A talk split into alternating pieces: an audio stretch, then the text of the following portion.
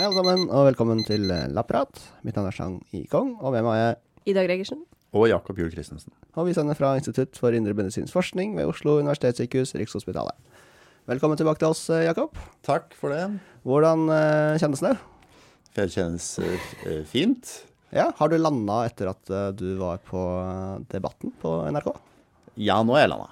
Ja. Litt sånn, litt sånn øh, øh, sommerfugler i magen sånn fredag morgen, men, øh, men ellers har det gått fint. Ja, for vi har blitt litt sånn starstruck nå, Jakob, etter, at, eh, etter at du har vært her. Det var veldig gøy. Jeg måtte sende melding til sjank. Se, Jakob skal på Debatten. Ja, altså jeg holdt på med noe vi har jo, du, Både du og jeg da, vi har jo forberedt en presentasjon til sjefen vår Ja. for et sånt intervju Mm. hun skulle på. Eh, Så jeg var jo midt i det. ja. Så fem minutter før debatten begynte, så fikk jeg sånn melding 'Jakob skal på debatten!' så da var det bare å legge fra seg og så slå på TV-en. ja. Ja. Hvordan var eh, opplevelsen? Um, stressende. eh, eh, spennende. Intensivt. Og, men uh, men uh, jeg syns det er litt sånn krevende format. Ja, det skjønner jeg. Um, eh, og med det så mener jeg at det er litt um, Vi fikk ikke lov f.eks. til å snakke om ting vi er enige om, og vi er jo enige om veldig veldig mye. Mm. Ja. Når det kommer til um, prosessering og hvordan man bør gi råd om forskjellige sunne og usunne matvarer. Mm. Så um, Ja, for de som ikke så det, da, så var jo temaet ultraprosessert mat. riktig, riktig. Mm. Ja, det burde du sagt. Ja, Ultraprosessert mat. Og det Mm. var jo en del folk uh, som var med, da, både influensere og komikere og, og noen forskere, og Mm. Linda Granlund fra Helsedirektoratet. og eh, litt ymse. Sånn at um, um, Ja, det var det jeg skulle si, at vi er jo enige om veldig mye. Mm. Men så fikk vi ikke prate om det, så vi skulle heller prate om de tingene vi var uenige om, da. Ja. Og da blir det litt sånn konstruert og oppkonstruert, det hele. Mm. Men det er jo viktige forskjeller dere er uenige om. Ja, men vi er alle enige om at vi kan jobbe hardt for å få ned inntak av brus. Eh, For å begrense energidrikker til barn. Vi Ja. kan jobbe for å få opp frukt- og grønnsaksinntaket osv. osv. Um, så dette er liksom ikke noe nytt, og Nei. vi kan heller på en måte være enige om det. da. Ja, det er veldig dumt at det drukner i at dere er litt uenige om NOVA-klassifiseringen Ja. og bruken av det begrepet. Ja, ja, ja. Og som vi har prata om før, vi gir jo kjempemange konkrete råd, ikke sant. Mm. eh, som er langt mer detaljerte i, i f.eks. i NNR og de fleste kostråd i Norge og rundt om i verden. Sånn at um, eh, la oss heller fokusere på det vi, det vi vet, da, som vi har kunnskap eh, om, som vi er enige om. Ja, for det er jo altså For at, at alle skulle blitt klokere egentlig etter en sånn debatt, så burde kanskje heller temaet vært eh, definisjonen ultraprosessert mat, og ikke hva er, eller hva var egentlig tittelen? Ultraprosessert matbare? Ja. Uh, ja, jeg tror det. Ja. Ja. Det blir jo litt sånn eh, vanskelig, fordi man snakker jo liksom litt om, om det samme, men om forskjellige ting. For noen snakker om problemet med klassifiseringen, mens noen snakker om at de mener at sant, hvis man bruker klassifiseringen, så ja, det blir rotete, syns jeg. jeg synes Ja, og så kommer vanskelig de inn, og så, og så starter det på en måte det hele med han, han komikeren, som jo er um, sikkert en hyggelig fyr, men det blir litt sånn eh, u- det blir en underholdning av det hele, når Mm. han på en måte kommer og sier at folk skal ikke si hva jeg skal spise. Jeg vil bare kose meg, Jeg vil liksom. bare kose meg. Ja. Og det må jo han selvfølgelig få lov til å gjøre. Ja. Poenget med kostråd er jo som vi har prata om her også Mm. mange ganger, at man skal prøve å designe gode samfunn hvor det er lett å ta gode valg. Mm. Eh, Og legge til rette for det, ikke sant? både Ja. økonomisk og så videre. Ja. Um, sånn at da framstår det litt sånn som om dette bare er en debatt om en moralsk debatt, da om man gjør de riktige tingene eller ikke. Og det er jo Mm. ikke det det handler om. Nei. Nei, det burde vært kanskje litt klare rammer for, eh, for hva som var tema, og så syns jeg kanskje de burde hatt litt færre folk. Fordi da kunne du også, eller Mm. alle fått sagt litt mer, da. For det blir jo veldig sånn kort, som du sier, sånn. Men ja. Det er jo underholdningsprogram, som du sa. Ja, så jeg er enig i de som, de som påpeker at det er underholdning. Det er jeg helt enig i. Ja. Helt enig. Ja. Det, det blir fort det. Det er Mm. lite, lite opplysning. Jeg tror ikke folk gikk ut derfra og var klokere. Eller ja. når de skrudde av TV-en, var klokere på hva, hva det er som gjelder. Da. Mm. Så da får vi heller henvise dem til episode fire og fem i Labprat. eh. Absolutt. ja. Ja. ja, nei, så ja, men det er veldig bra at du stiller, og det er det viktigste, tenker jeg, at man eh, viser eh, liksom Hva skal jeg si De som står på siden, altså kostrådene, da. Viser myndighetenes side tydelig, og at vi kommer tydelig frem. Det tenker jeg er veldig viktig. Mm, ja. Vi, vi, myndighetene følge så, eh, Granlund var veldig tydelig Mm. eh, på myndighetene, hvor myndighetene står. Så her må vi forskere også være enda tydeligere på hva forskningen kan si, Ja. og hva vi har av kunnskap. Um, så her må egentlig bare flere på banen og informere, da. Så Mm. sånn eh, Hvis jeg bare skal kort oppsummere i tre punkter hva, hva forskningen så langt viser på Mhm. ultraprosessert mat, så er det jo at evidensen så langt er svært skuffende. eh, og det er mange problemer med observasjonsstudiene, bl.a. den studien til, til Dankel. Da. Det er jo ikke hans feil, det, på en måte. Det er jo studiene som ligger til grunn for den, hans, den studien han også gjorde. Og at det er både Det er ikke sånn at alle ultraprosesserte matvarer er usunne. Det Nei. finnes både sunne ultraprosesserte matvarer, og det finnes usunne Mm. ikke-ultraprosesserte matvarer. Og det er en sånn distriksjon som ikke kommer fram med denne definisjonen. Da. Mm. Og derfor syns eh, de aller fleste at det er mye mer treffsikkert å gi råd om prosessering på matvarenivå. Da. Mm. Så det er der forskningen kan eh, Det er det forskningen sier per nå. Og nå som du har vært på debatten, Jakob, blir du nå gjenkjent på gata? Nei, skuffende lite, altså. Skuffende lite. Altså selv ikke Neida. gjesteopptreden i, i Labprat, og i tillegg til NRK-debatten, blir, uh, gjør deg uh, gjenkjent på gata. Nei, det er, men det er litt sånn uh, interessant, faktisk. For jeg liker jo å være litt sånn anonym på de, de, ja, i de fleste tilfeller. Så det å bli gjenkjent er nok ikke positivt uh, nødvendigvis, det heller. Så du er egentlig ganske fornøyd med det? Veldig fornøyd med Ja. å kunne bare passere forbi i stillhet. Ja. Det, var, det var sporty å stille opp, uh, Ja, synes jeg. veldig bra. Ja, Mm. det er godt å Ja, det er viktig at forskere gjør det. Mm. Men siden sist vi snakket sammen, så har det også vært en sånn babygrøtdebatt. Mm. I media, har dere fulgt med på det, eller? Mm, ja, i hvert fall litt. Det har jo vært eh, særlig i aviser, egentlig, kanskje, av, som det har vært skrevet en del. Både forskere og influensere. Mm. Mm. Ja, hva syns dere om det? For vi snakket jo så vidt eh, om babygrøt, om at eh, det er noen som har jo kritisert rapporten, bl.a. fordi det er en del sukker da, i mange av disse ferdiggrøtene. Mm. Og så har det vært debatt der noen mener at barn kanskje ikke får i seg nok næring hvis man bare lager grøt fra bånn av uten å ha kunnskap om hva barn skal spise, f.eks. Mm. Hva syns dere om den debatten som har vært? Um, nei, altså uh, Jeg, jeg syns jo Kaveh Rashidi sa det veldig bra, ja, da, at uh, når det kommer til uh, helseråd generelt, inkludert til spedbarn og småbarn, så, så er det veldig lurt å ta råd fra de med en relevant utdannelse. Med, eller med pasienterfaring, eller med en eller annen form for beskyttet uh, tittel. Eh, og ikke influensere. Altså da særlig for de sårbare gruppene i samfunnet. da. Ja, Så enig. det syns jeg på en måte er det grunnleggende premisset for no hvor man bør ta helseråd fra. Akkurat når det kommer til barnemat, eh, så kan du si at eh, hjemmelaget og industriframstilt, alt funker hvis det gjøres riktig. Eh, man kan helt fint lage mat, hjemmelaget mat til, Ja. til barn og, og små barn. Mm. Um, men det er mye mer å tenke på. F.eks. innhold av jern da, og andre næringsstoffer. Og så er liksom kostholdet ellers er også viktig. ikke sant? Det er liksom ikke kun grøt det her står på. Ved rundt sånn ett års alder så skal jo et barn spise uh, ganske uh, variert, og gjerne mat fra alle de forskjellige matvarekategoriene. Og det å få det til er jo en krevende prosess. ikke sant? Mm. Uh, og da står det jo ikke bare på om man har laget grøten selv hjemme eller kjøpt industriframstilt grøt. grøt. Så jeg syns liksom de grunnleggende prinsippene for hvordan å få et eh, godt og variert kosthold, de drukner litt i debatten om eh, industriframstilt grøt eller ei. da. Men som vi jo sa tidligere på en av de andre podkastene, at det er jo ikke noe data som tyder på at industriframstilt grøt er skadelig på noe vis. Nei. Og vi må jo ha støtte oss til data. Så når man ser til dataene, man analyserer disse store kohortene som ser på hva små barn har spist, eh, grad av amming, introduksjon av mat og sånne ting, så ser man at barn vokser helt fint og normalt med bruk av industriframstilt grøt.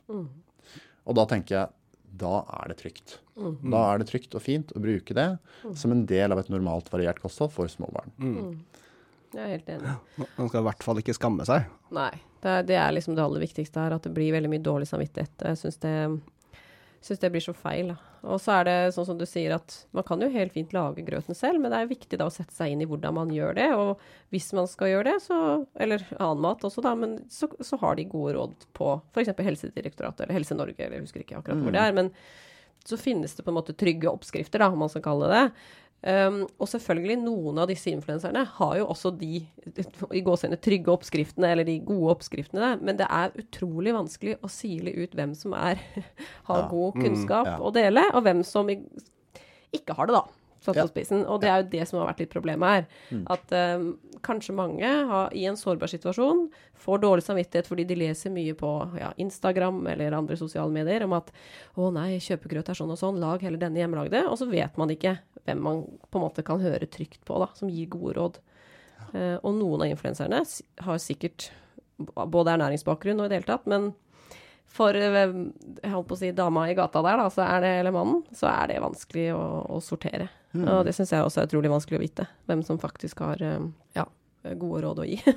ja. Ja, jeg er helt så enig, og det tryggeste er liksom helsepersonell. Det Liksom. tryggeste er helsepersonell. Jeg, ten- jeg tenker liksom Jeg klarer jo ganske greit å sortere, sortere ut bullshit i ernæringsverden. Mm. Men når det kommer til helt andre ting, sånn som økonomi eller bolig eller ting som ikke er mitt Ja. spesialfelt, Nettopp.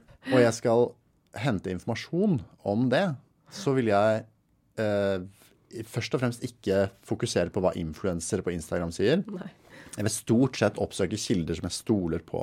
Og når det kommer til økonomi, så går jeg kanskje på Finansportalen eller Forbrukerrådet sine sider, og så henter jeg informasjon der. Ja. Eh, Jeg lytter f.eks. ikke kun til banken min når de, hvis de sier noe om jeg bør kjøpe, et fond eller ei. Nei, det er et godt poeng. Du spør ikke en influenser om det heller, kanskje? Nei. Og jeg spør ikke en influenser om det. Og poenget mitt er jeg henter informasjon fra det jeg anser for å være troverdige kilder. Og selv om man på en måte klarer å assosiere seg med og føle en viss tilhørighet til enkelte influenser på enkelte punkter, så betyr ikke det at man henter viktig informasjon derifra. Nei. Eh, Så jeg tenker en solid dose kildekritikk tror jeg vi kanskje bør begynne å lære opp eh, folk i. Ja. Men det en ting er at hvis man blir inspirert da, av en man følger i sosiale medier, og sånt, så kan man jo da gå til eh, helsemyndigheters nettsider eller legen sin eller sånt, og så spør hvordan kan jeg eventuelt gjøre dette, lage denne maten selv, for det har jeg blitt inspirert til å gjøre. Det syns jeg hadde vært interessant å prøve, eller ikke sant? Men for all del, gjør det. Ja, Ja. ja. Og så liksom, ja, følger man noen som man eh, syns gir gode råd, sånne ting, prøv å gjøre en liten sjekk om dette er i tråd med offentlige helseråd, Ja, nettopp. eh, eller ei. Ja. Og hvis det ikke eh, er det, hvis det er på sida og alternativt, eller borderline alternativt, så ta det med en god klype salt. Ja. Og før vi går inn på eh, dagens tema, Ida, så må vi snakke litt om eh, de store nedturene i en forskerhverdag. Må vi? Oh, no. Det er ikke bare gladsaker. Å oh, nei. Nei, det har vel kanskje vært litt uh, nedtur i det siste, ja. Mm. Nå følte jeg hadde glemt det litt, Trang. Ja, unnskyld. nei da. Ja, nei, vi har vel både fått avslag her og der. Er både her og der. Um, det var jo en artikkel vi fikk i retur, i hvert fall. Og så fikk vel både du og jeg avslag på en søknad vi hadde inne. Stemmer det? Ja. Men eh, nei, det er bare å det er bare å glemme det og gå videre, altså. Ja. Men jeg måtte ha noen dager der Ja. som var litt sånn Men nei, sånn er det. Ja, altså jeg klarte ikke å lese tilbakemeldingen. Eh, Har du gjort det nå? Jeg har gjort det nå. Ja. Gjort det nå. Etter at vi ble sånn ferdig med alt det andre vi skulle gjøre, sånn, som hadde en frist nå nylig.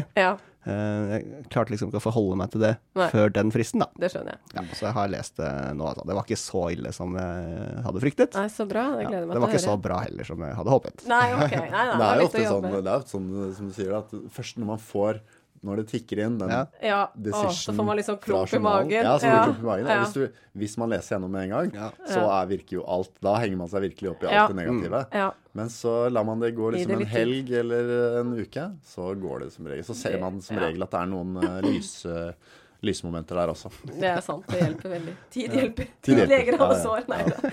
Nei, men det, ja, fordi Går jeg an å si kort, da, at fordi den søknaden vi sendte inn, så får man jo da både en score på hvert eh, punkt i søknaden, på en måte, så man eh, Man følger jo en mal, og så er det forskjellige deler. Og så får man jo også egentlig en ganske grundig sånn eller skriftlig tilbakemelding på hvert punkt, da. Jeg synes det var veldig morsomt den ene jeg fikk, som det var sånn Det ble anbefalt å å ha flere bedre publikasjoner i bedre tidsskrift. OK, ja vel. Å ja, Ja, det fikser jeg. Ikke tenk Ja på det. Ja, men da sender jeg til Nature neste gang, da. Det er ikke noe problem. Ja, skal ta det til meg. Ja, jeg fikk kritikk for at uh, de hadde ikke tro på at jeg uh, ville rekke å gjøre alt dette her. Nei. Nei. Nei, nei. Nei, nei. Nå får jeg ikke, nå får jeg ikke sjansen til å bevise at jeg hadde klart det heller, da. er. Men er du tidsoptimist, da? Eh, alltid. Ja. Ja. Så det var kanskje Ja, noe i det? ja. Nei. Nei, det, det får man jo aldri vite. Det Det er det aldri som er vite. Alle sier jo at man skal gjøre veldig mye Ja. i sånne søknader. Så akkurat tidsoptimist-greia, den er litt sånn ja ja, det, det gjelder jo alle. Det er sant, det, faktisk. Ja. ja. Og det var ikke skrevet sånn at liksom bare få deg noen bedre publikasjon. Men det var, eh, ja. Mm. Lettere sagt enn gjort, vil jeg si, da. Ja, ja. Ja. Nei da, men verden går videre for det. Ja, det gjør det. Ja, det er alltid en neste gang. Ok, men da er vi klare for uh, dagens tema. Hva skal vi snakke om i dag, da? Litt av hvert. Litt av hvert. Ja, er det ikke det? Litt av alt. En god blanding. Vi skal uh, se litt på uh, noen av de spørsmålene og meningene og holdningene som uh, har kommet etter at NNR ble sluppet, og også noen lyttespørsmål. Mm. Eh, og Jakob, du har jo kanskje sittet mer i stormen enn det Ida og jeg, i hvert fall. Ja. He helt klart. ja. Har det vært mye spørsmål? Har det vært mye synsing og mange ting å ta tak i? Um, fra noen, ja. Men, ehm, men jeg tror de fleste er på en måte innforstått med at det gis råd om eh, kosthold og ernæring i Norge, som i de fleste andre land i verden. Um, for å få befolkningen til å spise, spise bedre og ha bedre helse og sånn. Så det er en hard kjerne som er imot? Er det det? Ja, det er, i hvert fall, eh, det er i hvert fall noen som er svært kritiske, ofte da til prosess eller de konkrete rådene som gis. Og det er jo en, um, veldig mange av de samme poengene som på en måte resirkuleres med jevne mellomrom. F.eks. at folk mener at metta fett ikke har noen ting å si, og at uh, transfett er det eneste som er farlig, og sukker er, eh, fører til kreft. Alt det her. Så det er mange av de samme tingene som, eh, som dukker opp. da. Og så lurer, lurer, lurer de på hvorfor, hvorfor disse tingene, nyere forskning angivelig, ikke er blitt tatt inn i kostrådene. da. Som jo er ironisk, fordi det, oppdager Det er jo dette akkurat det dere har gjort, hele tiden. egentlig. Ikke Ja, sant? ja. Så det er mange sånne mm, Ja. eh, typiske argumenter som kommer opp fra mange av de samme folka. da, og ja, også noen som kanskje ikke mer altså, Hvorfor skal myndighetene fortelle meg hva jeg skal spise? Litt den, liksom? Eller? Ja, litt sånn som den, Ja. på, den på debatten. Da, altså, hvor, hvor, ja, eksakt. Men eh, da kommer vi jo tilbake til det at uh, folk gjør jo som de vil, eh, på alle eh, fronter. Eh, man kan ikke tvinge folk til å ha god økonomi heller, men man gir gode råd om eh, hva som er lurt å gjøre når f.eks. renta stiger. Da. Så kan folk velge å følge det eller ikke, og så er det jo noen som ender opp på luksusfellen. da. Ja. Det er ikke sånn Luksusfellen, sånn kostholdversjon? Sånn, eh, Det er du livsstilssykdommer, det. Du har, jo, du har noen sånne programmer, men det er jo selvfølgelig mye mer av det i USA. da. Altså Ja. The Biggest Loser og alle de her. hvor ja, du det liksom var vel skal- Slankekrigen det? Slankekrigen. Ja da. og det Vi har jo den derre Ja. 16 ukers helvete nå, da, hvis du tenker på TV-programmer. er Ja, altså så sånn lite med helse å gjøre som det kan Det er virkelig underholdning.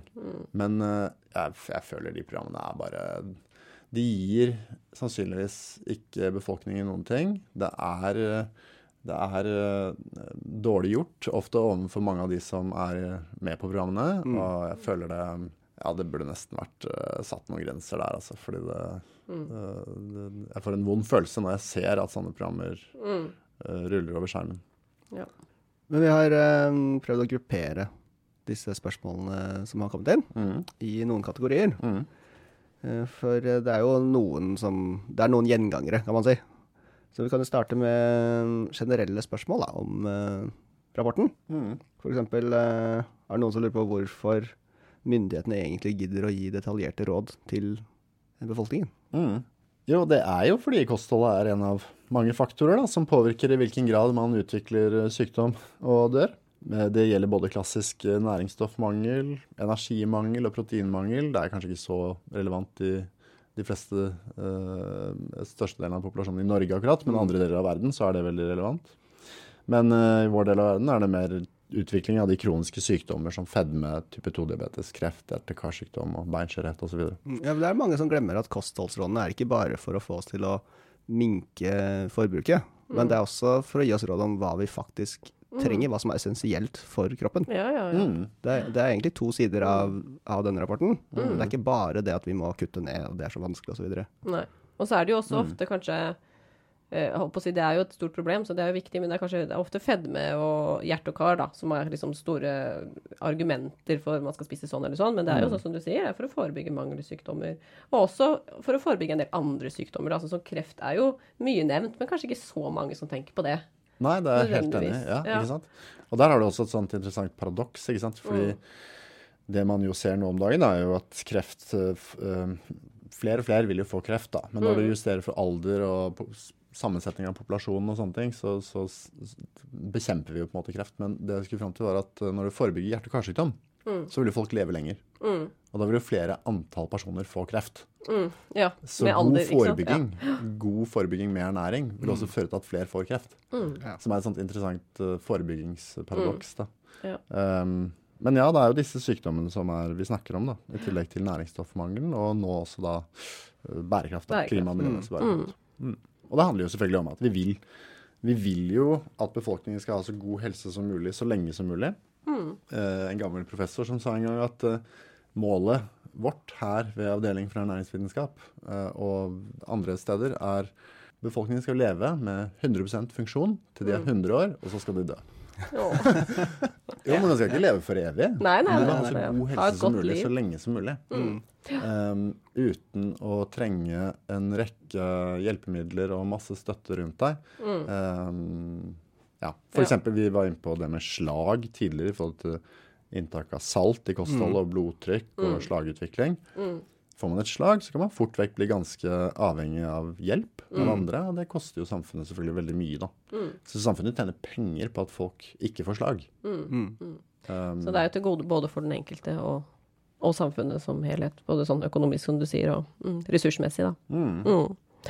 Og så er det disse rådene er jo ikke bare, som vi har sagt gjentatte ganger nå, ikke bare for individer til å Mm. ta til seg, men politikere og andre til å designe gode samfunn, sånn at vi også minker eh, altså forskjeller mellom folk, da. Særlig Ja. med tanke på eh, helse, sosioøkonomisk status, alt det her. Mm. Vi vil jo at folk skal eh, leve lengre, ikke bare på vestkanten, men også på østkanten, og Ja. eh, på tvers av alle strata av samfunnet. da. Mm. Mm. Ja, for det er jo mange som lurer på om eh, jeg, eller altså om, om uh, hver enkelt av oss, burde følge disse rådene. Og det kan man. Absolutt. Mm. Ja. Men, men NNR-rådene, eh, Mm. hvis vi snakker om de, er jo ikke laget til folk, selvfølgelig. da. Så da vil jeg jo heller anbefale å følge rådene som myndighetene etter hvert kommer, kommer ut med. da. Og Men som som- du sier, man kan jo følge de. Det er jo ikke det at de er noe feil med de eller noe gærent å følge de, men de er jo på en måte kompliserte på mange måter. Så det er jo sånn sett ikke er laget til folk i gåseøyne. Fordi eh, norske myndigheter også skal tilpasse norske forhold, og gjøre de mer tilgjengelige, kanskje, da. Ja. For oss. Oversette det til litt, litt mer sånn konkrete råd. Sånn, Helt enig. ja. Mm. Ja, ja.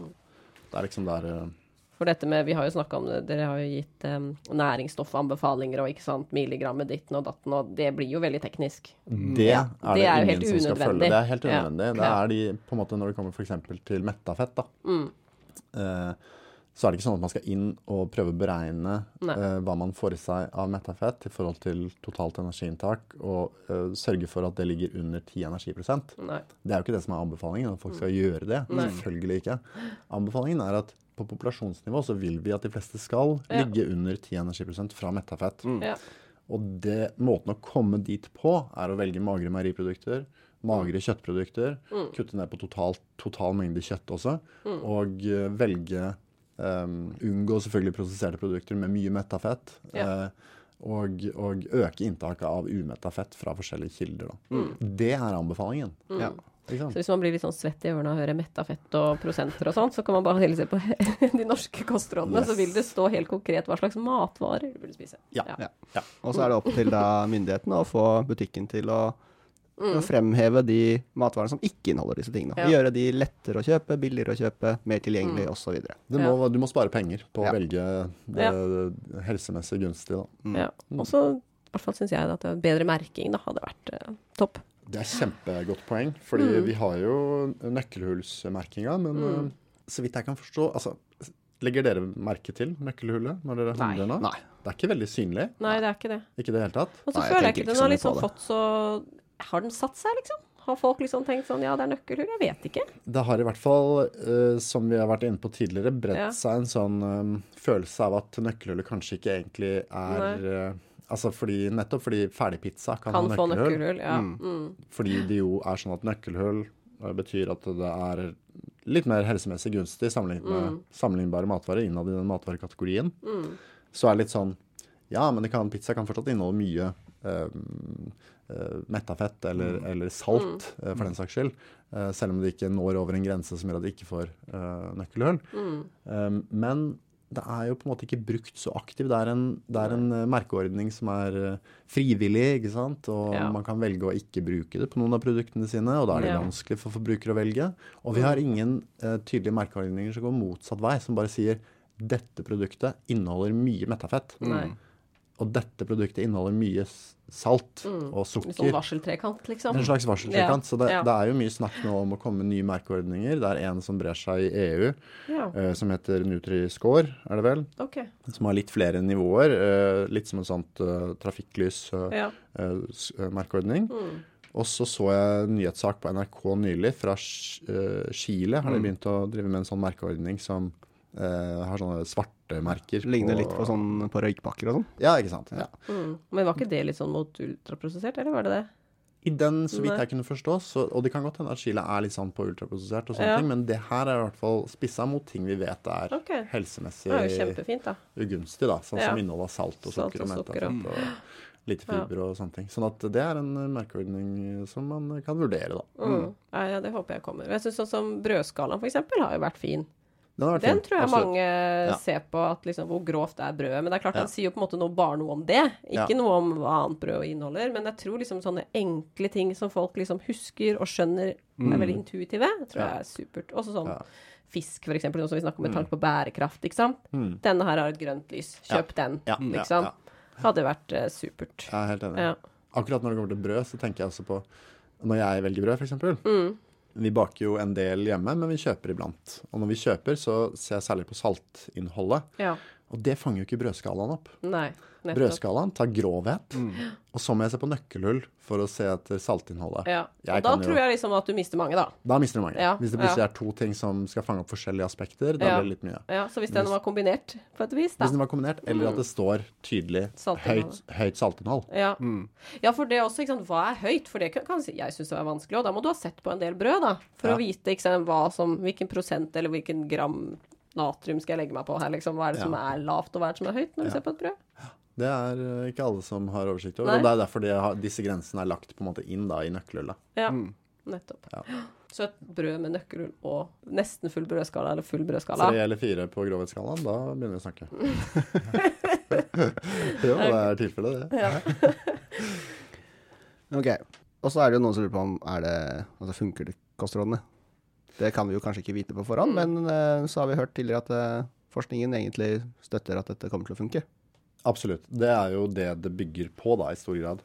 Når forskere setter folk på forskjellige varianter av kostrådene, så får de bedre helse. Eh, De får en normalisering av vekta. Hvis de hadde vært på vei litt opp i vekt, så vil den stabiliseres. Kanskje den går litt ned igjen. Blodtrykk vil som regel normalisere seg litt. Blodsyk blodsukker, kolesterol og risiko for, for sykdommer vil også det, da. Så du har eh, massevis av korttidsstudier, kontrollerte korttidsstudier, hvor de setter folk på eh, kosthold i tråd med kostrådene, og ser alle disse gunstige effektene, da.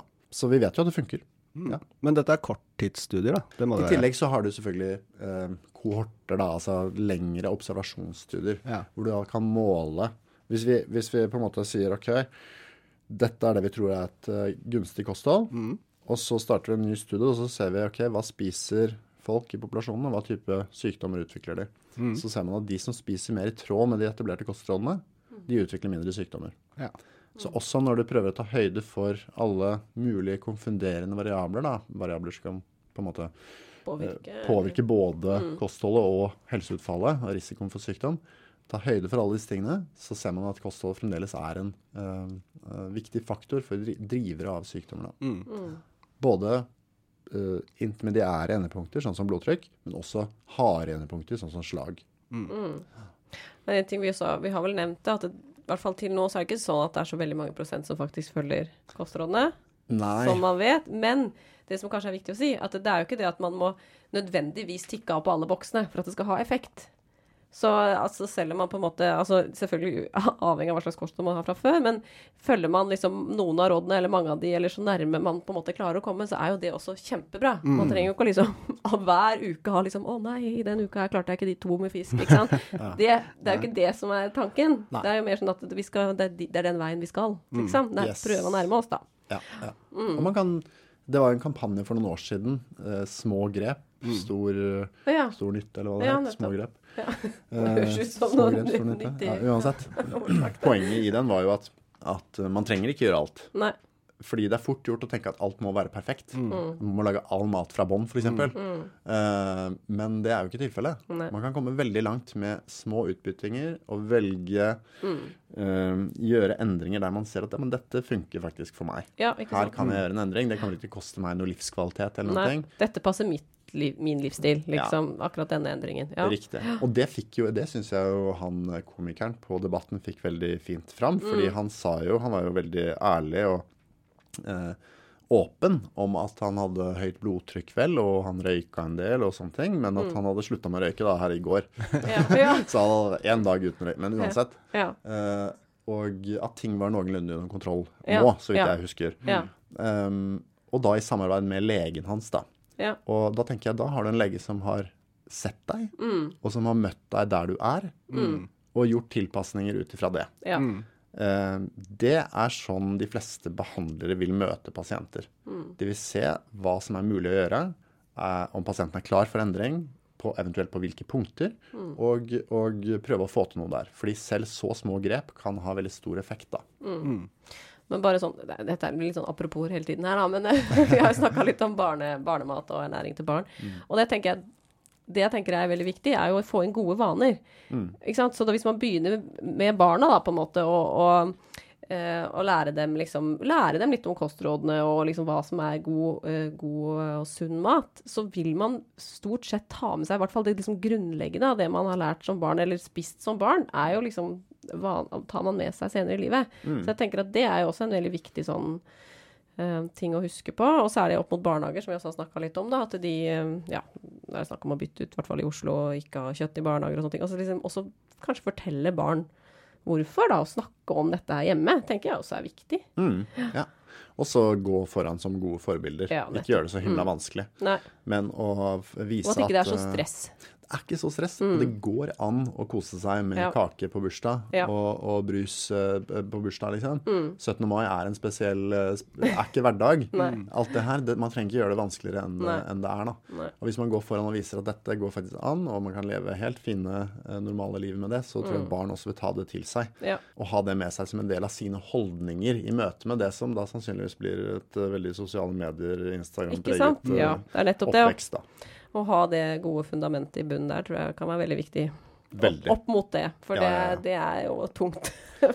kan være tung materie, som vi har snakka om. Men det er jo ikke så lett uh, for foreldre Altså, det er Nei. vanskelig å være forelder. Mm. Og det er vanskelig å gjøre alt riktig. Og derfor er det veldig nyttig hvis samfunnet legger til rette for at det skal være så lett som mulig. da. Yes. Eh, Å få de støtteordningene uh, og den hjelpen man kan i butikken f.eks. med Ja. å ta gode valg og slippe en kamp hver gang man skal gjennom Mm. for å handle. Ja, Uh, med, hvis man har en liten unge på armen. Da. Sånn at eh, Mm. man kan gjøre masse for å designe gode samfunn, men igjen eh, ikke legge all, alt ansvaret for å få det her til på enkeltindividene. Ja. En annen ting som har vært mye både diskutert og debattert, er jo ultraprosessert mat. Ja. Du blir ikke ferdig med det. Nei. Nei. Nei, aldri ferdig. Og der er jo det noen som mener at uh, det er litt rart at NNR ikke har gitt råd om det. Selv om det finnes masse data på at uh, såkalte da UPFs um, henger sammen med dårlig helse. Mm. Uh, for dere gir jo råd om kjøtt og meieriprodukter og ja. Hvordan henger dette her sammen igjen? Fortell oss. Eh, eh, kort fortalt så er vi jo helt enige i at inntak av ultraprosessert mat, definert med NOVA-klassifiseringen, henger sammen med diverse helseutfall i observasjonsstudier. Mm. Så sykdom.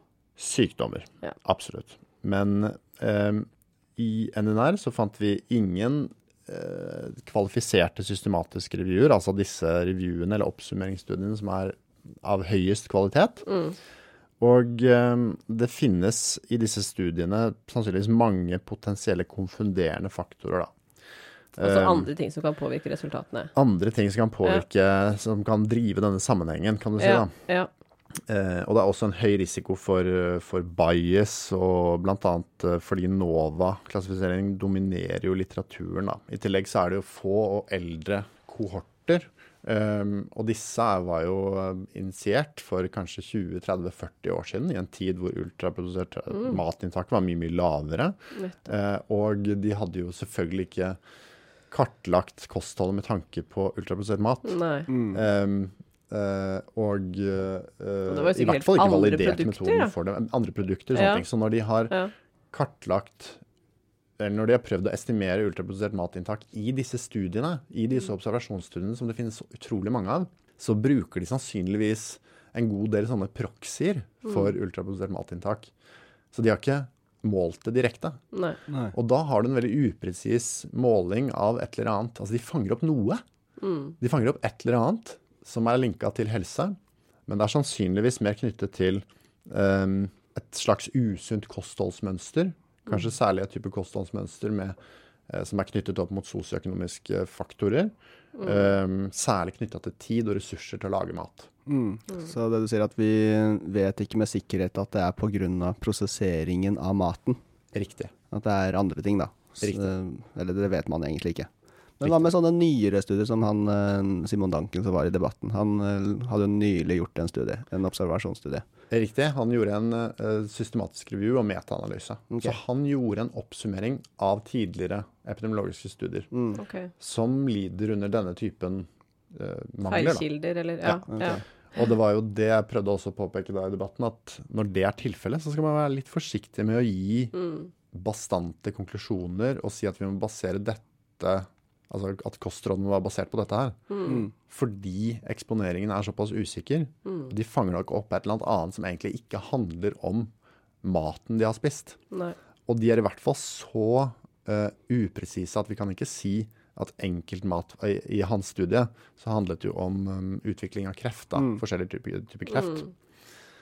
Og uh, hvor lang tid tar det å utvikle kreft? 40 år? Mm. Mm. Ja. Så 40 år tilbake i tid, da. Uh, så har du da prøvd å estimere ultraprosessert matinntak og Mm. ser på sykdomsutvikling. Det å fra den typen studie skulle si noe om enkeltmatvarer Mm. i dag, f.eks. fiskefingre eller, eh, eller eh, fiskeburger eller Fiske, er det fiskepinner? Fishfingers, Fish fingers, ja, ikke sant? Ja. Fiskepinner, var helt Ja, det kan det. Er det Noen ikke fish kaller det fingers? det. Ja, jo. Nei, men det kan hende at det... no, noen kaller det for det. Ja, ja. ja. Trenger ikke være dårlig menneske for det. Lurte på om det var noe matvarer jeg ikke hadde fått med. Fisk, Ja, ja, ja. Nei, det hørtes veldig rart ut. Jeg er helt enig i det. Du skjønner poenget mitt. Ja, Mm. ja, ja. Det går ikke an å bruke den typen data til å si noe om matvarer Mm. og matvaregrupper Nei. i dag. Ja. Um, det er liksom hovedpoenget der, da. Men hva kunne man gjort da? Annerledes, tenker du? Jo, nei, du har jo noen, du har noen eksempler på, um, på studier som vi um, har nevnt tidligere, uh, hvor de har sett på undergrupper Mm. av matvarer. Mm. Istedenfor å se på total ultraprodusert mat, som på en Ja. måte én enkelt variabel, da, som vi Ja, kaller det. nettopp. Så både brød og potetgull og hamburgere og alt igjen. I én og samme variabel, og sett om den henger sammen med Ja, utvikling av sykdom. sykdom. Så Mm. kan du heller si OK, la oss se på ultraprosessert brød. Mm. Ultraprosessert grovbrød, ultraprosessert ja. loff, ultraprosessert um, Versus hjemmelaget, for eksempel, eller Ja, eller bare Ja, ikke sant, versus hjemmelaget. Ja. Eller bare uh, varierende inntak av, av det ultraprosesserte Ja, det hadde jo vært Det er jo nyttig. Det er nyttig. Og det Ja. er noen sånne studier som har begynt å komme allerede. Og der okay. ser man jo nettopp det vi, er, det vi mistenker, da. At det Mm. er en stor heterogenitet, altså en stor variasjon Mm. i matvaregrupper. Mm. Og det vi jo ofte ser, er jo selvfølgelig at de ultraprosesserte matvarene som henger sammen med u utvikling av sykdom, er de vi visste om allerede. Ja. Fine bakvarer, brus, kjøtt osv. Mm. Og da er vi jo på en måte um, et skritt nærmere å se hva det er som driver da, denne effekten, som, eller denne assosiasjonen som vi ser i observasjonsstudier. Mm. Så jeg tenker det, um, det er et, riktig, et steg i riktig retning når det kommer til forskningen. Og i mellomtiden så har vi jo alle disse rådene vi vet funker, som vi bare må implementere. Mm. For med kjøtt og meieri så har vi solide data som kan støtte opp under eh, rådene som gis. I motsetning til hva mange vil eh, påstå, så er det masse data både på kjøtt og meieriprodukter. Og du kan jo bare se for deg Bare start med eksponeringen, da. Skal du måle en eksponering som kjøtt, skal du måle hvor mye kjøtt noen har spist, eh, så er det i seg selv ganske vanskelig. Men det er enklere enn å måle totalt inntak av ultraprosesserte matvarer. Kjøtt er jo på en måte kjøtt. Og du har forskjellige produkter som alle er enige om at ja, dette er kjøtt. Fordi vi har en klar Det definisjon på det. Mm. Ja. Ja. Det er en klart definert matvaregruppe, Ja. basically. Um, mens når det kommer til prosessering, så er det sånn Spør du noen hva er definisjonen på ultraprosessert mat, så får du forskjellige svar. ikke sant? Ja. Etter debatten så er det f.eks. veldig mange som prøvde å skifte hele definisjonen over til at det handler egentlig bare om profitt. Mm. Men Men det, det har jo jo- ikke vært eh, definisjonen i noen forskningsstudier. Det er ingen som har definert ultraprosessert mat som den maten de tjener penger på. Nei. Man tjener jo penger på all mat. Man tjener penger på all mat. Man tjener jo penger på produksjon av sukker og olje og salt. Mm. Og, altså, Og profitt har ikke noe med helse å gjøre, sånn egentlig. Man kunne sikkert gjort mange interessante studier på profitt, men det er ikke det Det handler om dette handler om. Um, så eh, ja, hvis vi tar kjøtt og meieriprodukter, da, så kan du si at kjøtt Der har vi masse data fra epidemiologi, kliniske studier og mekanistiske studier. Og det er også en tett kobling mellom kjøttinntak og råd om fettkvalitet. Vi har en rekke kvalifiserte systematiske revyer, altså gode, eh, altså godt kvalifiserte oppsummeringsstudier. Og det samme når vi ser på meieriprodukter, forskjellige typer meieriprodukter. Mye data fra epidemiologi, kliniske studier og mekanistiske studier. Igjen en tett kobling mot fettkvalitet. Og selvfølgelig også råd om essensielle næringsstoffer. Um, rådene våre om meieriprodukter i NNR var jo også basert på at um, dersom man tar bort meieriprodukter fra kostholdet, så blir det veldig vanskelig å dekke behovet for enkelte næringsstoffer. Så anbefalingen vår om å opprettholde et visst inntak av meieriprodukter var også basert på at du trenger noen, um, um, noen kilder til enkelte næringsstoffer, og meieriprodukter er en sånn type kilde. da. I tillegg til flere kvalifiserte systematiske reviewer. Da. Så det er masse data på disse uh, matvaregruppene, som igjen er type eksponeringer du faktisk kan estimere og kvantifisere. Du kan faktisk eh, få ganske gode data på de, da. I motsetning til 40 år gamle kohorter om ultraprodusert mat. Men eh, det er jo litt sånn, kanskje litt på siden, men under, under kjøtt så har, har man jo råd om prosessering. Mm. Det har man ikke på meieriprodukter, eller? Eh, jo, du har jo på en måte Der har du noen veldig tydelige råd Ja. om at prosesserte meieriprodukter med høyt innhold av sukker eh, og fett, okay. Kanskje særlig, Ja. bør man bytte ut med varianter med mindre sukker og fett. Okay. Men det står prosessert liksom også der? Eller nevner man ikke det i den sammenhengen? Bare fordi jeg har sett det?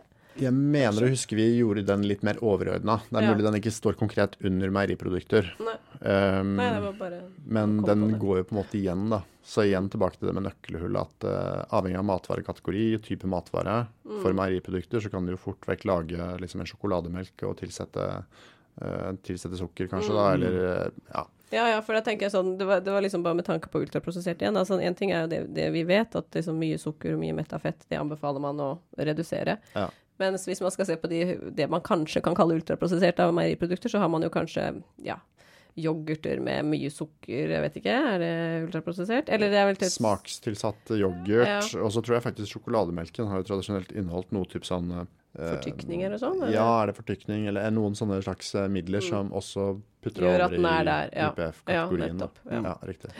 Så Men da er det det, da er det det som putter i UPF-kategorien, mens vi normalt tenker ja ja, men sukkerinnholdet er for høyt, eller Altså, innholdet av metafett er for jeg høyt. tenker jo egentlig at liksom en sjokolademelk som ikke har veldig mye sukker i seg, er en OK matvare.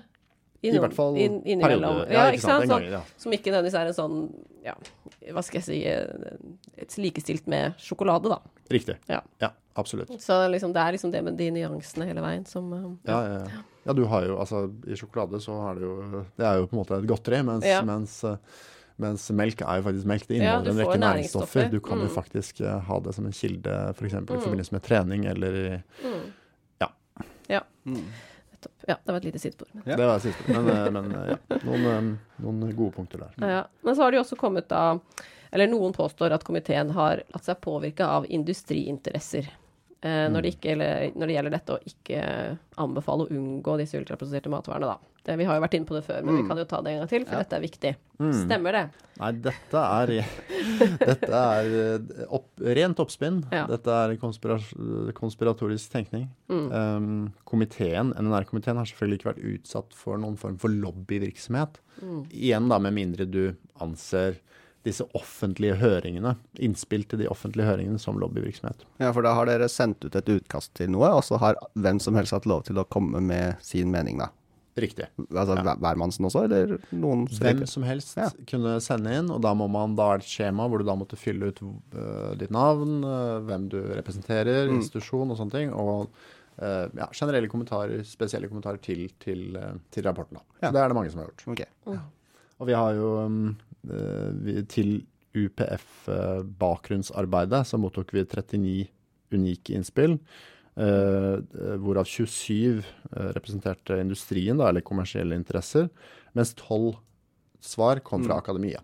Ja. Og absolutt, selv om de uh, industriinnspillene som regel mente at vi, det var for prematurt å gi Mm. råd om UPF, og at det, det var, ikke ga mening, så gjorde absolutt alle de akademiske institusjonene akkurat det samme.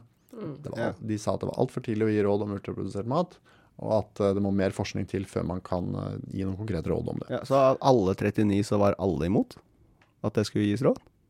Eh, ja, av de innspillene der, i hvert fall fra, fra industri og fra akademia, så var det, så vidt jeg husker, så var det Ja. det. Men det er jo mange som i ettertid har kommet og kritisert at det ikke ble gitt råd. Hvorfor uh, sa ikke de noe til uh, i denne høringsrunden?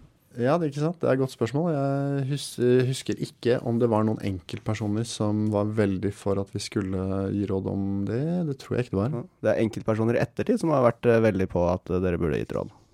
Ja. Også enkeltpersoner med akademiske titler og stillinger osv. som har vært ute og kritisert og sagt Men de holdt da munn da, de var, da de hadde sjansen. Ja, ta det med en klype salt. Jeg husker ikke helt eksakt eh, om, om eh, Men eh, Majoriteten var imot. majoriteten var helt klart, helt klart imot det. Mm. Og av gode grunner, da.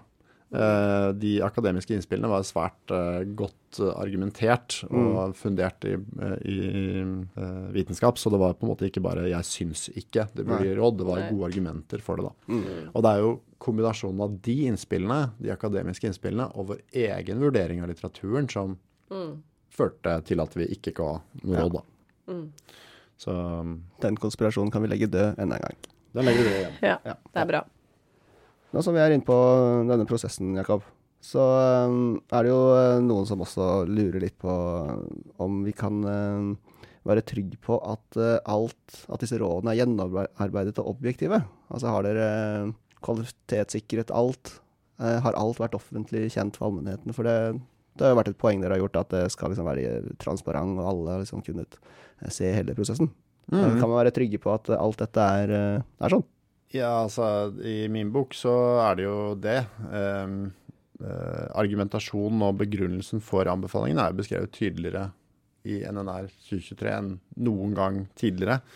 Og så er det jo sånn at disse rådene, eh, og råd rundt om i verden ellers, er jo generelt ganske like, da.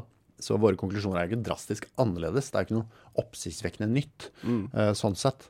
Eh, og kan jo på ingen måte være overraskende for folk. Så ja, vi kan jo gjøre den kort ved å henvise til en tidligere episode, kanskje, ved å bare hvor vi har gått i dybden på hvordan den prosessen har vært. Mm. For der har vi gjort det ganske tydelig hvor Mm. A priori vi har definert hvordan ting skal gjøres, og hvor uh, transparent ting har vært ved høringer, Mm. med god høringsfrist, tid, Mm. tid til å svare på høringene, osv. Ja. Det var første den der episoden? Det var nok den første. Det den første. kom Ja. i september, kan det stemme? Det kan stemme. Ja. Så da er det bare å scrolle seg litt nedover i feeden og Ja. finne den, og Mm. Ja. Hør gjerne de andre òg. Ja. hør de andre òg. Ok. Eh, og så er det jo noe vi har hørt mye.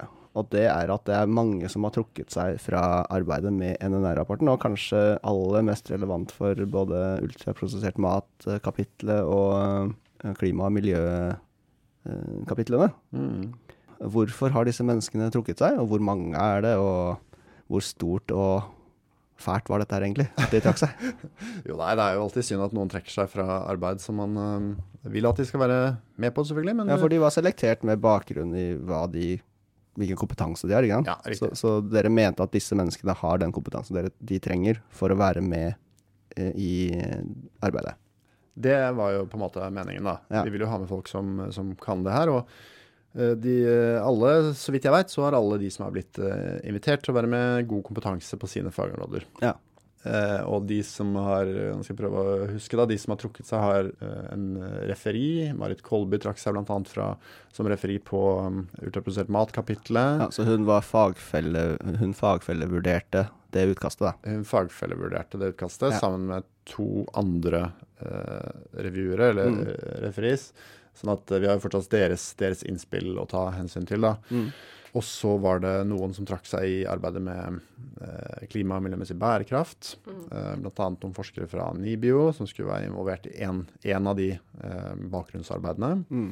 Um, og Hva snakker vi da? Hvor mange forskere er det da totalt som er med? ja, Det har jeg ikke tall på, men det er Det er, mange si titalls, liksom? In, Eller? i, bare i bærekraft så er det jo titalls, eh, Ja. Mm. som er med, ja. Eh, noen fra komiteen og noen utenfra, og de Så det er ikke sånn at halvparten har trukket seg? Det var liksom Nei da, nei da. Og de, de, eh, de trakk seg eh, av sine grunner. Så vidt jeg husker, så var det særlig knyttet til at, eh, at mandatet til NNR var såpass snevert.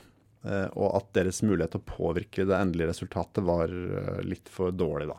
Så det er jo deres Det får de stå inne for. Men Ja, for det er jo sånn disse prosessene pågår, på en på en måte. De ville Ja. ha mer innflytelse enn hva mandatet ga, var det?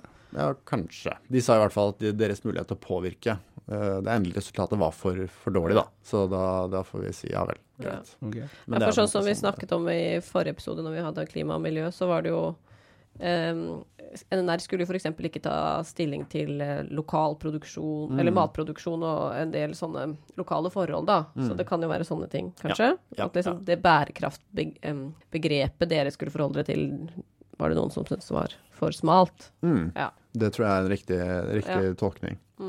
Men eh, det er jo en nokså interessant utvikling akkurat på den fronten der. da, fordi Nylig så kom det en sånn rapport fra klima, eller Klimautvalget 2050 som heter 'Omstilling til lavutslipp veivalg for klimapolitikken mot 2050'. Er det en statlig uh, ja, er det ikke det? Rapport? Jeg tror det. Ja, statlig rapport. Og der hadde de jo en sånn enstemmig innstilling da, på de rådene de kom med. Eh, de var bl.a. krystallklare på at produksjonen eh, og konsum av kjøtt, det må ned. Mm. de sa også at eh, de ikke burde oppmuntres til konsum av matvarer med høye klimagassutslipp gjennom informasjon fra myndigheter, sånn som mm. Matprat og andre steder. eh, andre opplysningskontorer. Og at vi måtte redusere utslipp fra havbrukssektoren ved å legge om til fôr med lavere utslipp. Det er jo i stor grad I tråd med i tråd med NNR, da, Ja. kan man si. Veldig relevant for de rådene som vi også har gitt. Ja. ja. Det som er mer interessant, er at en av disse forskerne som trakk seg fra Ja. vårt bærekraftsarbeid, ja. var jo med på denne rapporten, og var jo derfor da enig i denne innstillingen, i og med at den var enstemmig. ja. Så um, det er jo et paradoks, da, i all den tid han og hans kollega har brukt på å sverte bærekraftsarbeidet i NNR. De har bl.a. gjentatte ganger sagt at norsk landbruk vil måtte legge ned dersom anbefalingene følges. Okay. Og her kommer de altså med Råd om helt like anbefalinger som, som det vi kom, kom med, da. ja. Um, jeg så, husker at han uh, husker jeg ikke hva han heter, uh, som var i debatten uh, og diskuterte Audun Korseth. Ja, han uh, var jo og diskuterte, og var jo annet uenig i hva mandatet fra, fra Nordisk ministerråd var. Mm. Eh, og da lurer jeg på, er det Altså, står det noe sted hva mandatet er? Som vi fikk? Ja.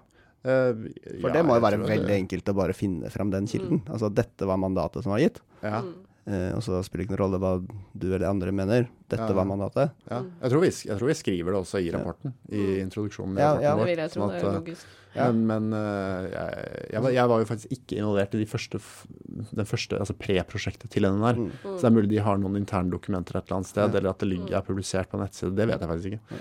Da tenker jeg også at politikere kanskje også fort kan komme på banen. For dette er jo Mm. Hvem er det som sitter i minister... Er det statsministeren som sitter i Nordisk ministerråd? Ja, de norske, politikere gjør det. Om statsministeren selv er der, eller om det er utenriksministeren, eller hvem det er, det vet jeg jo ikke. Men- så dette var 2016, da. Så det er en Solberg-regjering. Ja, ja, Ja, ja. jeg skjønner at eh, de har hatt andre ting å tenke på i sommer, men Det bør jo være den minste sak, da. Å gå ut og, og bekrefte eller avkrefte som, altså hvilket mandat som var gitt. Men uavhengig av det her, så kan du si at det er veldig åpenbart fra den rapporten som nå han Korsed var med på, da, at det mandatet de har hatt, virker jo enda smalere enn NNR sitt mandat. Ja. Og her har han åpenbart vært med på um, å gi råd som er helt i tråd med det vi har gjort. Men så vidt, uh, nå, jeg, nå skal jeg lese den rapporten ganske grundig, men um, det, blir, det blir interessant å se hvor uh, vitenskapelig de har gått til verks, og hvor uh, systematisk de har gjort dette arbeidet. Da.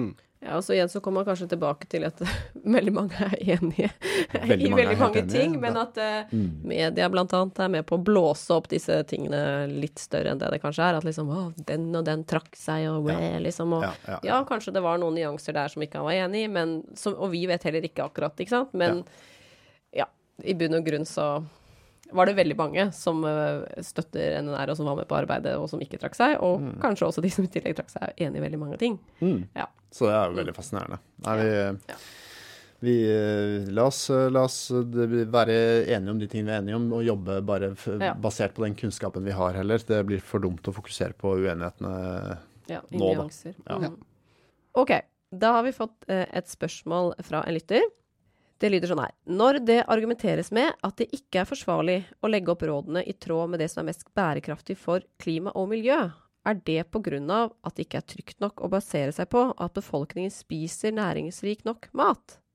For det råder jo ingen tvil om at plantebasert mat, riktig sammensatt og med få tilskudd, er helsefremmende og fullverdig. Mm. Eh, ja. Eh, altså vi Så dette ligger jo til grunn med at denne som har, eh, lytteren som har stilt spørsmålet, da, har hørt noen argumenter om at det, det ikke er forsvarlig om å legge rådene i tråd med det som er aller best, da, med tanke på klima og miljø.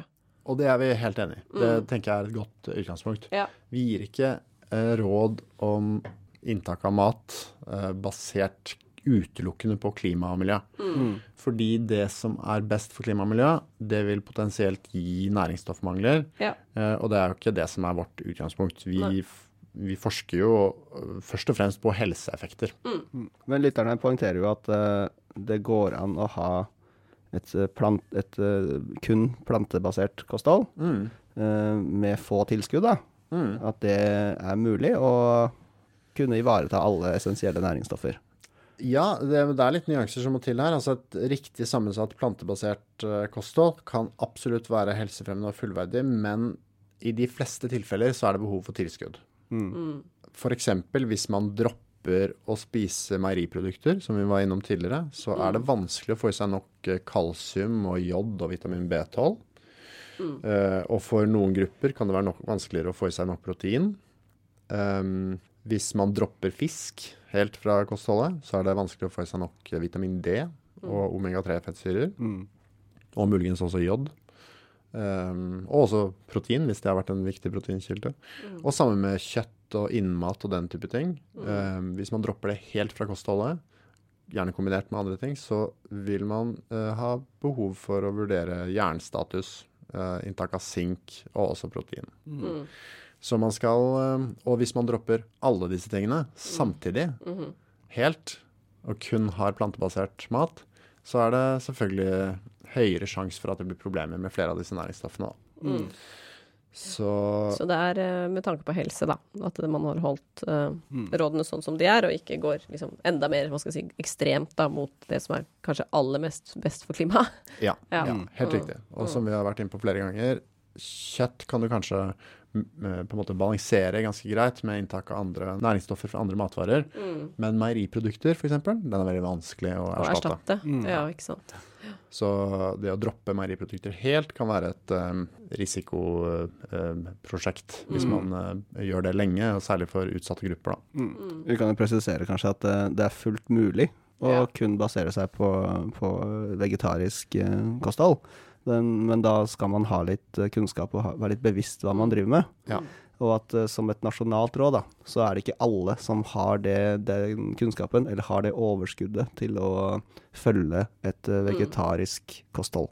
Nei, Det er en point. veldig god uh, oppsummering. Mm. Men uh, du som lytter, og som har et plantebasert kosthold, kjempebra, fortsett med det. Mm. Uh, hvis du har kunnskap og overskudd til å gjøre det Mm. på en Mm. sunn og trygg måte.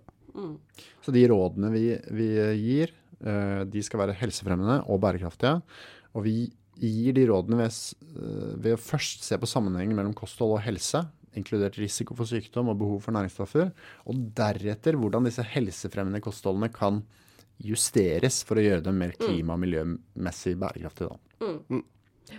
Det var veldig bra. Og jeg tenker også sånn, med tanke på gjennomføringskraft av hvor mange som skal følge dem, så tror jeg også det er lurt å ikke på en måte gjøre sånne drastiske store endringer i kostrådene. De må jo på en måte være um, retta mot tradisjoner i Norge og eh, hva hva slags vanlig kosthold vi har, og så må vi på en måte gjøre justeringer ut fra det. Så hadde det liksom myndighetene gått rett ut nå og sagt sånn alle bør spise plante, altså det hadde jo også vært for ekstremt, da. Uansett, liksom, tenker jeg da. Ja, ja, ja. Um, så det er jo mange ting der. matsikkerheten blir vel Da, Ja. da snakker vi matsikkerhet. Altså Ja, det er, ja. ja, nettopp. Mm. Har dere forresten lyst til å høre den siste eurekaen tilknyttet kostholdsrådene? Oi, oi, oi. Ja. Ja. Ja, altså Denne har jeg gleda meg til. Mhm. Ja, jeg har jobba, hardt med den, skjønner du. Oi. Ja. Oi, oi, oi. Ok, er dere klare? Ja, Ja, jeg er klar. veldig litt Ok. spent. Dagens eureka det skal handle om 中国居民膳食指南. Å nei, er det, de, er det kinesiske kostråd? Helt riktig, Ida.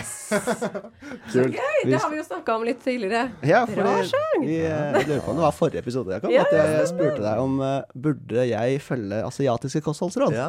Og da kom det ganske bestemt fra deg at det var ikke nødvendig. ja, det stemmer.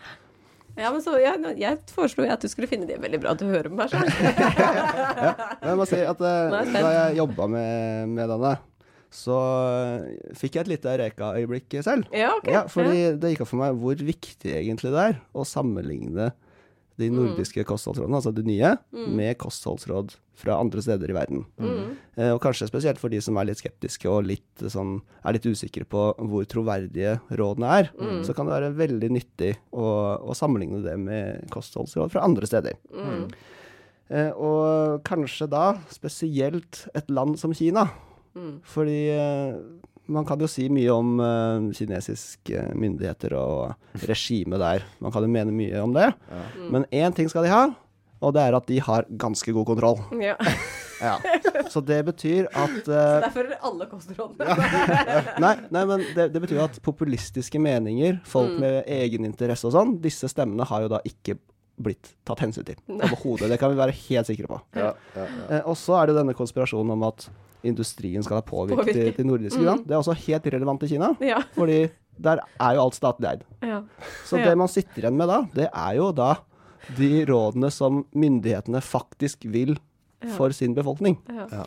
Eh, og igjen, da, det er ikke sikkert at eh, regimet der vil det beste for alle.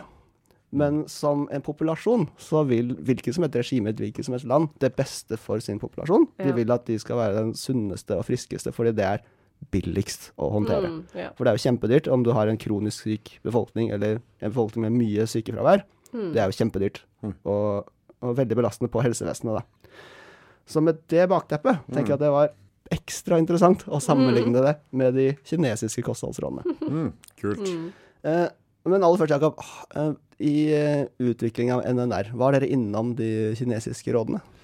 Nei, vi har, vi har ikke gått til de forskjellige lands eh, råd og sett hva de anbefaler, og så tatt det inn på noe vis. Nei, vi har ikke det. Mm. Vi ser på kunnskapen, og så lager råd ut fra kunnskapsgrunnlaget. Ja. Mm. Har du noen forventninger til uh, tallene og, og anbefalingene som er gitt der? I, du mener i de forskjellige matfaglige kategoriene vi har? Ja, Eh, ja jeg har altså- funnet, funnet fram noen som vi kan sammenligne med de nordiske. Nei, altså jeg, Det jeg forventer, er jo at det er mer fokus på de lokale uh, kulinariske tradisjonene, da. For eksempel så forventer jeg at eh, ris, eller ris er kanskje litt mer fremhevet enn fullkornsprodukter. Eller som et fullkornsprodukt. Ja. Eh, så ja. Men hva tror du om nivåene og sånn, da? Eh, nei, det er jo sikkert, eh, sikkert eh, ganske likt. Ja, men vi får se. For jeg tenker at eh, jeg eh, har jo nå funnet fram en del eh, eh, matvarer. Og matvaregrupper som vi har snakket om i denne podkastserien. Og så kan jo dere hjelpe meg med å huske hva de nordiske rådene sa. Og så kan vi sammenligne hva det kinesiske sier. Ja, Er dere klare? ja, ja. Kjør på. kjør på. Ja. OK. Punkt én. Sju to yang Nei, jeg bare tuller. Vi tar det på norsk. Det er veldig gøy. Ja, det er gøy. Punkt én. Der står det eh, Jo, jeg må kanskje si noe om oppbyggingen av rapporten. Ja. Eh, for det første så må jeg bare med en gang si at jeg har ikke lest hele. Nei, det er greit. Eh, men eh, de Den har kinesiske, eller den Det er kinesiske. Jeg syns det er ille nok med de nordiske. Jeg har ikke lest det kinesiske. Men de kinesiske rådene har en oppsummering på, på noen punkt, som, som de kaller en populærvitenskapelig oppsummering, da, som folk okay. flest eh, skal kunne forholde seg til. Mm. Eh, og der er det en del livsstilsråd. livsstilsråd og en del konkrete kostholdsråd eh, knyttet til enkelte vare, matvaregrupper. Da. Mm. Eh, så jeg har prøvd å sortere dem litt, grann, eh, og så har jeg funnet fram noen konkrete tall. Eh, så punkt én er ha et variert og balansert kosthold. Det kan vi være enig i. Ja. Ja. Eh, men Kina har også konkrete tall for hvor mange forskjellige typer matvarer man skal ha. da. Eh, Der står det at eh, et daglig kosthold bør inneholde kornprodukter, rotgrønnsaker, frukt, grønnsaker, kjøtt, meieri, soyabønner og andre belgfrukter og nøtter. Ja. Og hver dag bør man spise minst 12 ulike matvarer og 25 ulike matvarer i løpet av en uke.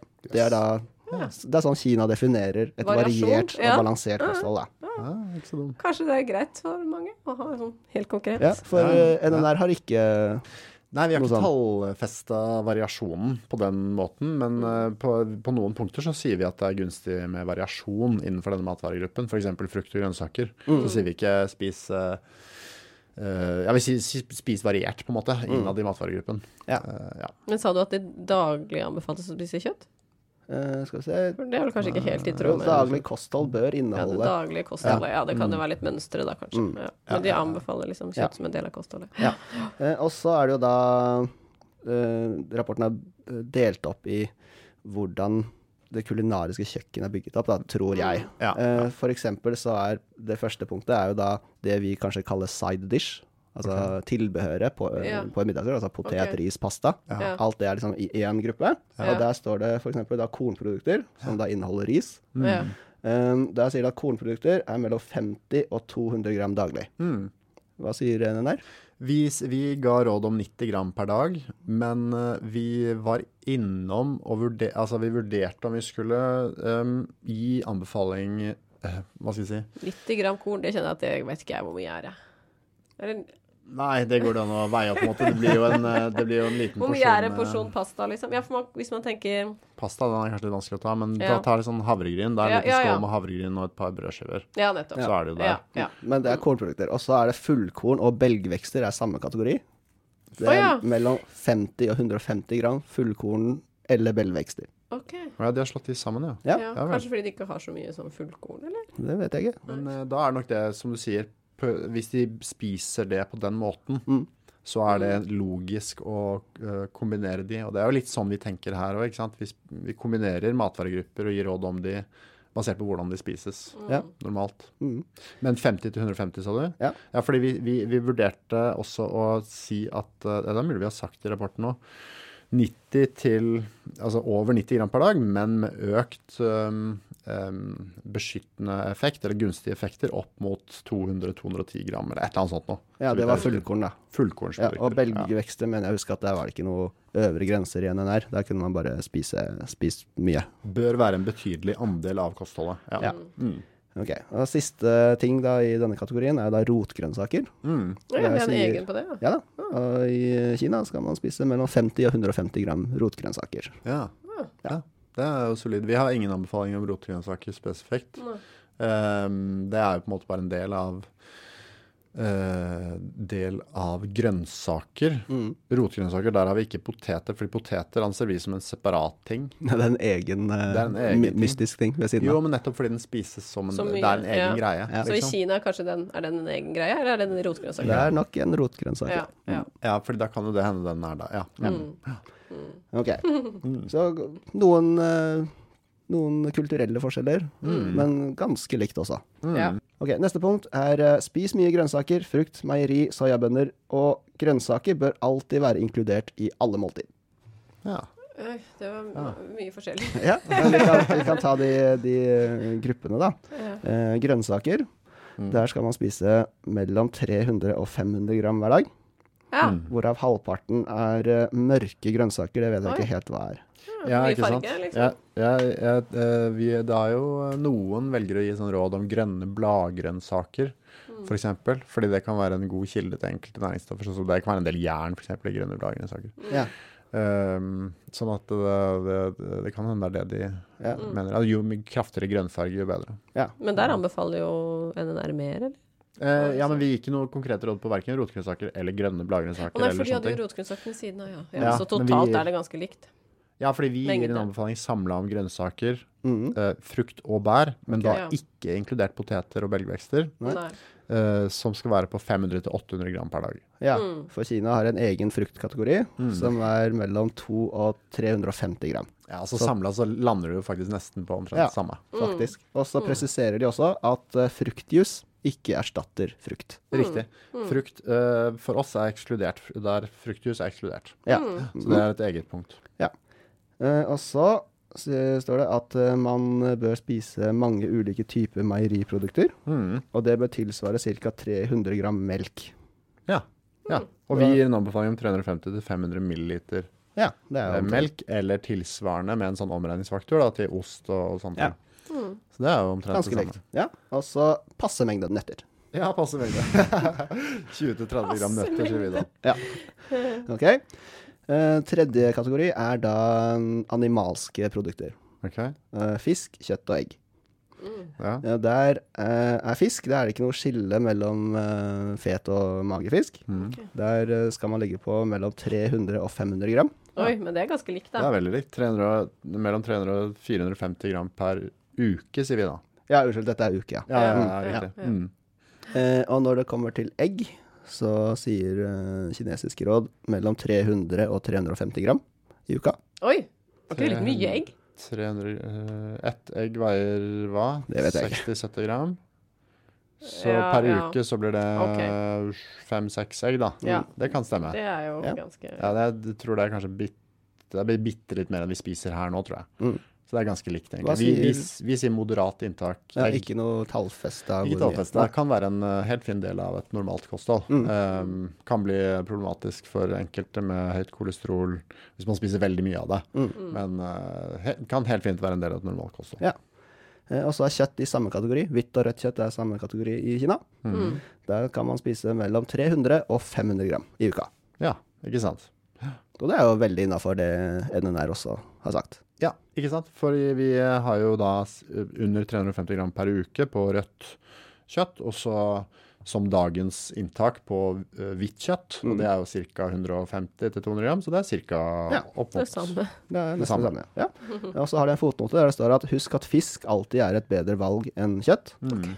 Unngå ultraprosesserte kjøttprodukter, Mm. og spis mindre av saltet og speket kjøtt. Ja, ikke sant. Ja.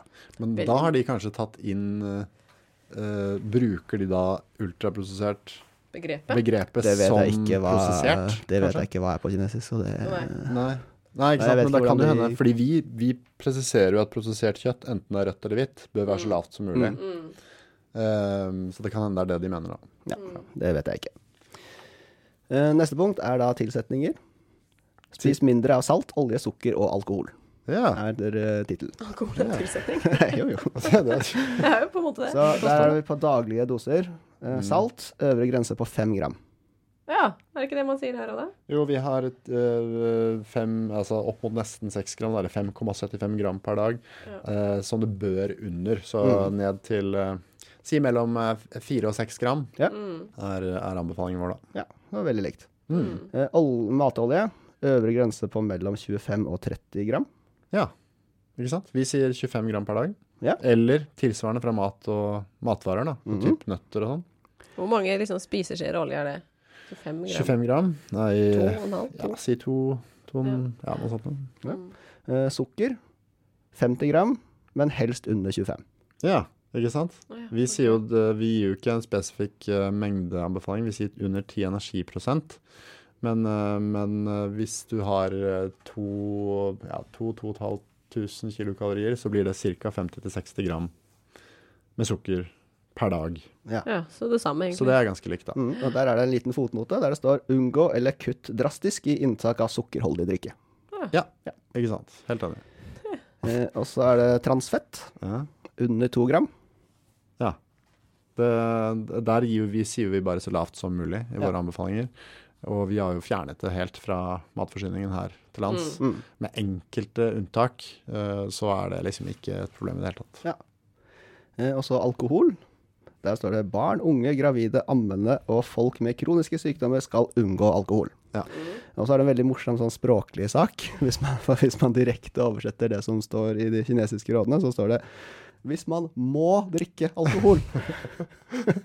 det betyr jo Noen hvis, må jo det. Jo, jo, men det betyr jo hvis man er i en sosial setting, eller hvis, eh, Ja. hvis rammene eh, for, forventer det. Ja. Eh, ikke mer enn én he en enhet om dagen. Ja. Det tilsvarer ca. 14 gram etanol. Mm. Ja. Ja. Mm. Så det er rom for noe, men så lite som mulig, da. Ja. Ja. Eh, og så er neste punkt er vann. Mm. Der står det generelt mellom 1,5 til 2 liter vann om dagen. Ja. Ok. Hva sier NNR? Vi har ikke vannanbefaling, men vi har en to, altså total væske, da. Mm. Fra vann og kaffe og te og hva enn man drikker. Og vann i, i mat. Mm. Eh, For kvinner to liter per dag, og for menn to og en halv liter per dag. Ja, det er ganske likt. Ja. Det var fascinerende mye likt. Ja, Og så er det en liten fotnote her. Der det står På vann? At, ja, på vann, ja. Der står det at vann kan aldri erstattes av andre drikker. Nei. Nei. Aldri. Det. Det er veldig strengt. Det er strenge, strenge Kina. Det er jeg litt uenig i, da. Ja. Hvis du Det er kanskje den beste tørstedrikken. det kan være. ja. Hvis du bare Men, men. Hvis du klarer å få i deg en kopp med kaffe, så hjelper det jo, liksom. I væskebalansen, ja. Aldri, aldri kaffe. Må ha vann. Ok. Det siste punktet er noen generelle livsstilsråd. Mm -hmm. og det første er kanskje det viktigste, og det er at man skal balansere sitt energiforbruk og inntak. Så det gjelder også vann.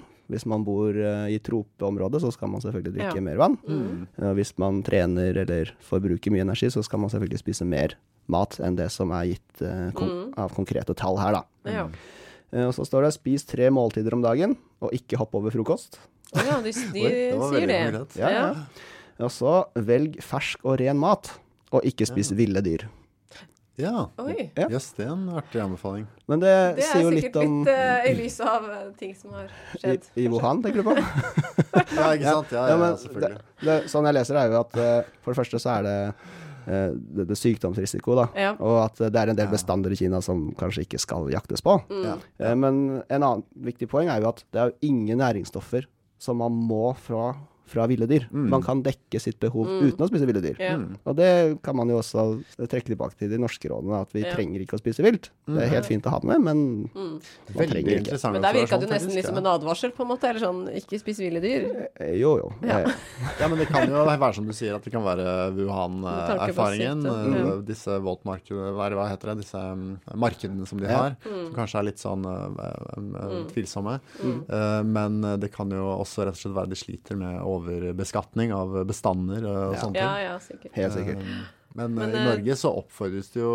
mer eller mindre til Ja, Vi har ja, veldig sterkt fokus på jakt og Ja. vilt ja, kjøtt. Det. Så det er jo interessant, da. Ja. Mm. Men, og de måltidsrytme sier man heller ikke noe om i NNR.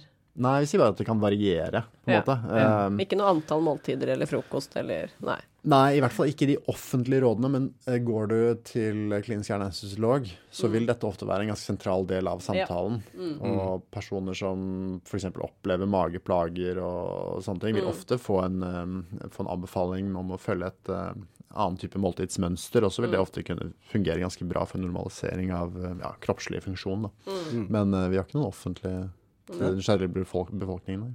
der. Mm. Ja, det var gøy. Ja, Kult. da er vi snart ferdig. Oh, ja. Det er Det er to punkter igjen. Og det er lær deg å lage mat. Ta vare på gode mattradisjoner, Ja. og nyt den naturlige smaken av råvarene. ja. Og til slutt, verdsett maten, og ikke lag mer mat enn det du klarer å spise opp. Yes. Så fine råd. Ja, det var Ja. veldig fint. Kjempefine råd. Men summa summarum, det ligner veldig på de nordiske. Det ligner veldig. Altså tallene og Budskapet. budskapet er veldig likt, selv Ja. om det er på en helt annet sted i verden. Mm.